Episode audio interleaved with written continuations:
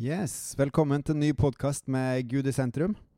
Eh, forrige gang så snakka jeg om evig liv, det å kjenne Gud, om det går an. Og ja, det går an, og det har jeg lyst til å vise noen eksempler på i dag. Eh, det er faktisk fullt mulig å kjenne Gud, og Salme 34 snakker bl.a. om at smak og se at Herren er god. Salig er den mann som tar, tar sin tilflukt til Han. Jeg heter fortsatt Håkon Winnem. Er og virker i bergensområdet, og har starta denne podkasten Gud i sentrum, fordi at han hører rett og slett hjemme der, i sentrum av våre liv. Um, det er mange eksempler i Bibelen på folk som kjenner Gud. Du har Abraham, du har Moses, Debora, Samuel og Habakuk i GT. Og så har du Peter, Philip, Paulus og Priskilla i NT, for å nevne noen få. Eh, Paulus er vel kanskje en av de mest kjente nå i nyere tid eh, gjennom NT. Og det er det mange grunner til. Han er jo, har jo Omtrent hele apostelgjerningene er jo at Den hellige ånd virker gjennom Paulus, og man følger Paulus på hans tre misjonsreiser. Og så har han også inntil 13 bøker som han har eh, skrevet av de 27 bøkene som er i NT. Um, Paulus han hadde en uh, litt annen start på livet sitt, for det var først som voksen at han kom til tro. Um, på pinsedagen, uh, 40 dager, 50 dager etter at Jesus var, uh, hadde stått opp igjen, og hadde ti dager etter at han for opp til himmelen, så fikk jo disiplene til Jesus de fikk jo Den hellige ånd. som gjorde at de ble fulgt av en kraft som gjorde at de ikke var blyge lenger, ikke redde, men at de sprang ut på torget og forkynte eh, evangeliet. Og det var til og med noen som trodde at de var fulle klokka ni på morgenen. Så sterk var den krafta som var i dem. Og når de snakka der, så snakka de også språk de ikke kunne fra før av. Sånn at alle de tilreisende som var i Jerusalem, forsto faktisk, hørte faktisk evangelietene forkynt på sitt språk. Og det var 3000 mennesker som den dagen kom til tru. Og Her snakker vi altså om eh, elleve disipler, pluss en del av noen andre menn og damer som var med dem. Det står ikke nøyaktig hvor mange av de som forkynte, men det at det kom 3000 til tro bare den ene dagen, det er heftig masse. Så den ånden, den kraften som de hadde i seg, den må ha virkelig vært synlig eh, i Jerusalem den dagen og tida etterpå. Um, Faktisk så var det så mange i eh, Jerusalem som ble troende, både av jøder og av ikke-jøder, såkalte hedninger. Eh, og det gjorde at de jødiske lederne eh, anså det her for å være et problem. Eh, at det var noen som mente at Messias, som de fortsatt venta på, hadde kommet. At det var Jesus. Og at de fikk eh, villede andre folk til å tro på denne Jesus.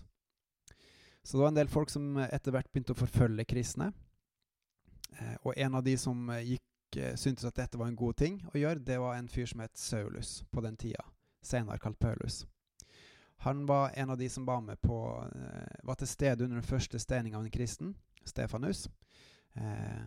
Og han var helt enig i at han hadde blitt steina for den gudsbespottelsen som Stefanus hadde da vist overfor eh, de jødiske lederne. Som følge av denne forfølgelsen i Jerusalem så var det mange kristne som sprang rundt til andre plasser, som flytta på seg fordi de var redd for livet sitt. Eh, så vi trengte tydeligvis en eh, På en rar måte så eh, trengte de i hvert fall et spark i baken for å komme seg ut, for å ikke bare sitte og ha det godt med Gud sjøl, men for å bringe evangeliet ut til andre folkeslag, til andre folk. Eh, og i etterkant av herre så hadde Paulus eh, rett og slett lyst til å få, eh, få, få, bukt med denne kristendommen, få bukt med disse falske gudsdyrkerne. Han var sjøl en opplærd opplært, av fariseer, eh, og han uh, var sjøl fariseer og kunne loven loven utenat. Og han var veldig, veldig sterk i sin lengsel etter å følge Gud og ære Han og leve for Han. Eh, og den var så sterk at den var faktisk villig til å sette andre folk i fengsel eh, fordi at de spotta Gud, at de gjorde han imot. Og på veien til Damaskus, hvor han hadde fått med seg et brev og hadde med seg noen menn, hvor han hadde fått tillatelse til å kaste kristne folk i fengsel, så opplevde han plutselig et veldig, veldig sterkt lys. Eh, et lys som gjorde at han falt ned på bakken, og plutselig hører han en stemme. Saul, Saul, hvorfor forfølger du meg? Og da svarer Paulus, Hvem er du, Herre? For han skjønner at det er noen som snakker til han, sjøl om han ikke ser det. Og da svarer den andre, er Jesus, han som du forfølger. Og så får han bare en kort beskjed. Men reis deg og gå inn i byen, så skal det bli sagt deg hva du må gjøre. De som reiste med han, hadde hørt stemmen, men ikke sett noen ting. Eh, og de var ganske månebedåtne. Eh, Saulus reiste seg opp, og så når han åpna øynene, så så han faktisk ingenting. Han har rett og slett blitt blind. Og de andre leide han da inn til Damaskus. Um, I tre dager så verken, spiste eller eh, drakk eh, Paulus, Saulus, som han fortsatt het, og han, eh, han ba veldig mye. Og bare satt der og venta på hva Gud skulle gjøre. Samtidig så er det en annen fyr, en annen kristen i Damaskus, som får beskjed om å gå bort til eh, Saulus og be for han, sånn at han skal få synet tilbake. Eh, og Da sier Gud faktisk til denne Ananias at jeg har faktisk vist Paulus at du skal komme på besøk til han, at du skal be for han, og at han skal få synet. Ananias visste, han hadde hørt rykte om at Paulus kom til, Saulus kom til Damaskus for å, å eh, arrestere kristne, så han var jo livredd for at Saulus skulle gjøre det med han. Men Gud sa 'gå', og Ananias gikk til slutt. Og han ba for han, og Paulus fikk synet tilbake. Eh, og etter å ha spist og drukket litt, så valgte faktisk eh, Saulus å gå ut og forkynne evangeliet, forkynne at Jesus er Guds sønn. Og Hvis vi bare stopper opp litt der Paulus, eh, fariseer, altså en jøde som fulgte loven, eh, var veldig streng og fulgte med den, og sikkert også noen menneskebud som jødene hadde lagd seg, eh, gikk fra å være en streng fariseer i løpet av tre-fire dager eh, gjennom et møte med Jesus, gjennom å bli blind, gjennom å få beskjed om at en person skulle komme og be for han og skulle få synet tilbake. Og så kom det en person og ba for han og fikk synet tilbake.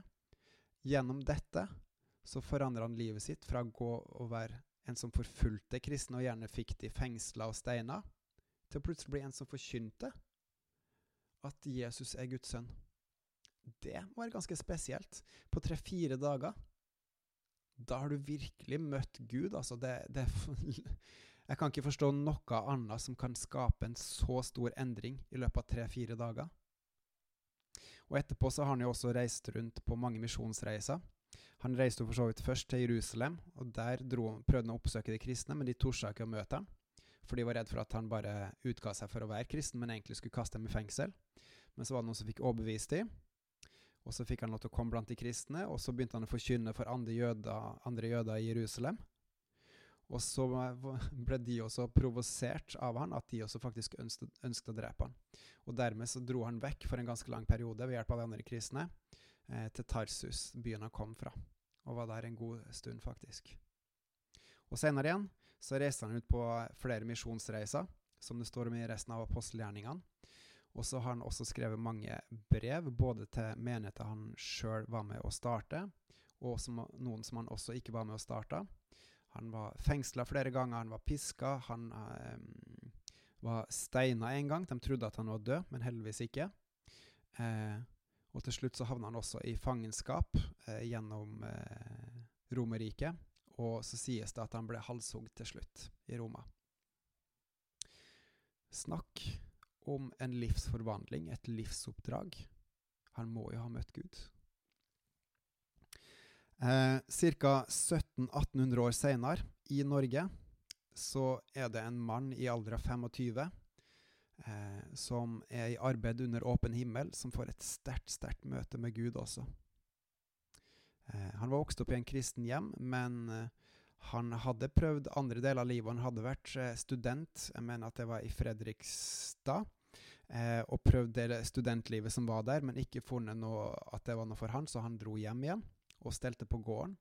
Og en av disse dagene hvor han var hjemme, så fikk han et plutselig veldig sterkt møte med Gud, hvor han virkelig merka at Gud tok han ut av det han sto i. Ikke fysisk, men eh, han merka at han var, han var så gjennomsyra av Gud at han følte at han var en annen plass. I hvert fall så hadde han ikke like sterk eh, følelse av å være der han var. Og det møtet var så sterkt, og det prega han så mye, at alt det som før var viktig, ble plutselig uviktig. Og så ville han heller være med og kjempe for Guds rike. Eh, og i 20 år etter den opplevelsen som han hadde i 1796, så beskriver han sjøl at eh, jeg kan fortsatt huske det som om det bare var noen dager siden. Eh, og litt sånn oppsummert, som han sjøl sier, eh, så eh, fikk han beskjed om at du skal bekjenne mitt navn, altså Guds navn, for menneskene. Du skal formane dem til å omvende seg og søke meg mens jeg er å finne, kalle på meg når jeg er nær og rører ved deres hjerter, så de kunne omvende seg fra mørket til lyset. Det var oppdraget han fikk. Og for de som kjenner Hans Nilsen Hauge, så vet man at han både, eh, både arbeida og evangeliserte i flere år etterpå, helt til han ble kasta i fengsel for han ble en for stor trussel. Eh, han var ganske skarp mot de som hadde makta. Eh, kanskje til og med for skarp. Vet ikke helt. Um, men han var han gikk eh, Norge på tvers og langs, opp og ned og sidelengs, eh, dag ut og dag inn, og sa, ga motet til folk om at de var i stand til å kunne skape arbeid sjøl, at de var i stand til å kunne skape en framtid for seg sjøl, og at han støtta de i det. Og så I tillegg så evangeliserte han også for de, forkynte det gode budskapet om at Jesus var Guds sønn, at det går an å kjenne Gud, at vi må følge Gud, og at det er det sanne og gode. Eh, det er mye som kunne vært sagt om han. Han er et av mine største forbilder. Eh, eh fordi at det han gjorde, hadde så eh, Han ofra seg virkelig for Gud. Han valgte å bruke livet sitt for Gud, og det hadde så utrolig stor innvirkning på folk rundt han og etter tida hans. Eh, og det sies at på midten av 1800-tallet så var en tredjedel av eh, eh, de folkevalgte i Norge de var enten haugianere eller påvirka sterkt av eh, haugianismen.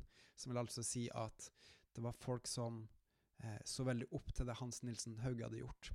Så det én man starta på 1796 i kraft av Guds kraft, det gjorde at man kom langt, langt inn i eh, maktstrukturene, også i Norge, i tillegg til alle andre som trodde på han. På Gud, vel å merke. Eh, så det at han lot seg bruke av Gud, gjorde at Gud nådde inn til mange mange nye mennesker etter han.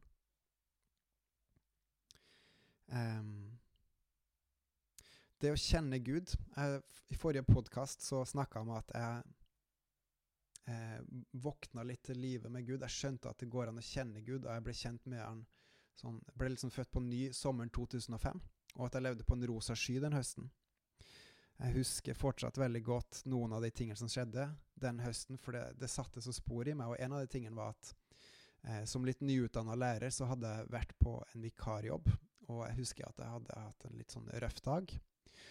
Og på veien hjem så eh, var jeg litt sånn tung til sinns, og så begynte jeg å tenke på Gud, og plutselig så bare forsvant alt det tunge. Og jeg ble i kjempegodt humør med en gang. Jeg bare merka at det er godt å tilhøre Gud. Um, og den eh, Like før jul så fikk jeg en telefon fra ei som var leder i et, et eh, ung, eh, barne- og ungdomskor eh, som jeg var med som medleder i. Og hun spurte om jeg kunne holde bibeltimene eh, like ut på nyåret. Og litt eh, Kanskje litt vågalt, og etter inspirasjon fra en jeg kjenner som snakker med Gud daglig, så sa jeg ja, jeg kan gjøre det hvis Gud vil at jeg skal gjøre det. Og så sa hun OK, så bra. Da hører jeg fra det. Um, og så ba jeg til Gud om at hvis han ville at jeg skulle ha det, så måtte han gi meg hva jeg skulle si for noe. Um, og jeg husker at eh, i romjula så skulle jeg dra med, med nattoget eh, til Oslo for å besøke en gammel barndomsvenn. Og i halvørska klokka halv sju på morgenen så var han andre på kupeen min. Han gikk av på Drammen stasjon, så jeg våkna sånn halvveis. At han romsterte for å gå ut. Og da bare begynte jeg å tenke på Matteus 22, eh, 36-40, det dobbelte budet som står der. Og så visste jeg bare at det skulle være temaet på eh, den leiren som vi skulle på den helga i januar. Og så sovna jeg igjen. Eh, og jeg kunne ha sagt mye mer om det, men det var, det er i hvert fall noen få eksempler på møter jeg har hatt med Gud. Jeg husker også når jeg og kona var i Indonesia eh, noen år senere igjen. Vi var ute på landet i Indonesia, eh, Prestagi. Eh, og vi, eh, vi, skulle ut og ri på noen hester. Vi hadde via eh, våre norske venner fått eh, noe, hjelp til å finne noen hester vi kunne ri på. og når de kom, så så vi at hestene var uten sal. og den ene virka til å være veldig vilter. Han var veldig urolig. og han skulle selvfølgelig jeg ri på. Og så skulle kona mi ro på ei litt eh, ro, eh, ri på ei litt eh, roligere hest som eh, virka mye mer behagelig. Og jeg husker at Like etter at vi satte oss oppå, så beit jo selvfølgelig min hest den andre hesten i halen. Og den andre hesten sparka bakover for å prøve å treffe min hest i ansiktet. Eh, og hoppa heldigvis unna i tide. Eh, og jeg følte meg ikke så veldig høy i hatten da. Jeg hadde egentlig ikke lyst, eh, men vi valgte nå å kjøre på likevel. Jeg husker jeg ba en del, og så fikk jeg eh, Så husker jeg fikk en tanke om i hodet at det kom til å gå bra. Litt seinere på den turen så husker jeg vi rei forbi noen okser som sto eh, på et uh, lite jorde med kjetting rundt seg, sånn at de Eh, og en påle i midten, så det gjorde at de kunne ikke gå noe langt. Men da husker jeg at eh, spesielt min hestene gikk veldig langt ut til andre sida på veien for jeg er helt sikker på at ikke disse oksene kom for nærme. Og så skulle vi ri opp, eh, opp over et eh, vulkanfjell, eh, for det er en vulkan rett i nærheten der, som hadde utbrudd for noen år siden. Og det å ri en, for, en opp, gå, for, en hest å gå oppover et bratt fjell med mennesker oppå seg, det er ganske tungt. Så de tok oss med et stykke oppover, og så skjønte jo vi etter hvert at det her var ikke godt for hestene. Så vi ba de om å snu. Eh, og når vi kom helt ned, så var det plutselig en hund som sprang framfor min hest, som gjorde at den hesten la ut i full galopp med uerfarne eh, Håkon oppå seg, for jeg har nesten aldri ridd før, eh, og hunden springende foran. Og da visste jeg, fordi jeg visste at Gud hadde sagt meg at dette kom bra, jeg har opplevd sånne ting før, så var jeg ikke bekymra et sekund. Eh, det fikk jeg høre etterpå, at det var alle de andre, tre andre, både disse to indonesiske mennene og kona mi. Så jeg satte meg opp og holdt i tøylene, og så merka jeg at hesten sprang som en gal. Og etter hvert så ble han litt mer sliten, og da begynte jeg sakte og sakte å ta disse tøylene for å få han til å roe seg ned. Og til slutt så roa han seg helt ned. Eh, og etter det så rei ikke jeg og livredd mer på hestene. Mens de to andre guttene de hadde jo veldig kjekt, da, for de eh, drev og kappa litt med det og hele pakka. Um, jeg husker at høsten 2005 så levde jeg på en rosa, rosa sky, og etter hvert så var det normalt. Uh, og i dag så er det fortsatt normalt, og samtidig så er det utrolig trygt og godt å ha å kjenne Gud og ha den tryggheten det er å kjenne Han. Og så er det også veldig kjekt at han også bruker meg inniblant til å være med og hjelpe andre folk. Eh, enten i, her på jorda eller i, eh, i, til vekst i Guds rike. For jeg tror også det er faktisk noe av clouet med Gud. Han ønsker at vi skal kjenne ham fordi at vi skal få evig liv. Og også fordi at han ønsker at vi skal dele det videre, sånn at andre også kan få evig liv. Sånn at nye kan få evig liv. Og at vi skal bli stadig flere som kjenner han og tilber han og vokse med Han. Det som er det beste. Å kjenne Han og være Hans sønn og datter. Mm. Hvorfor nevner Paulus? Hvorfor nevner Hans Nilsen Hauge? Hvorfor nevner egne eh, erfaringer med Gud? Det er fordi at jeg håper at du ser at det her er mulig. Og at du, sånn som meg, for eh, 14 år siden får lyst til å komme dit sjøl at du får lyst til å vokse med Gud, at du ikke bare har lyst til å ha kunnskap om hvem Gud er, men at du har lyst til å bli kjent med Han. For det er mulig.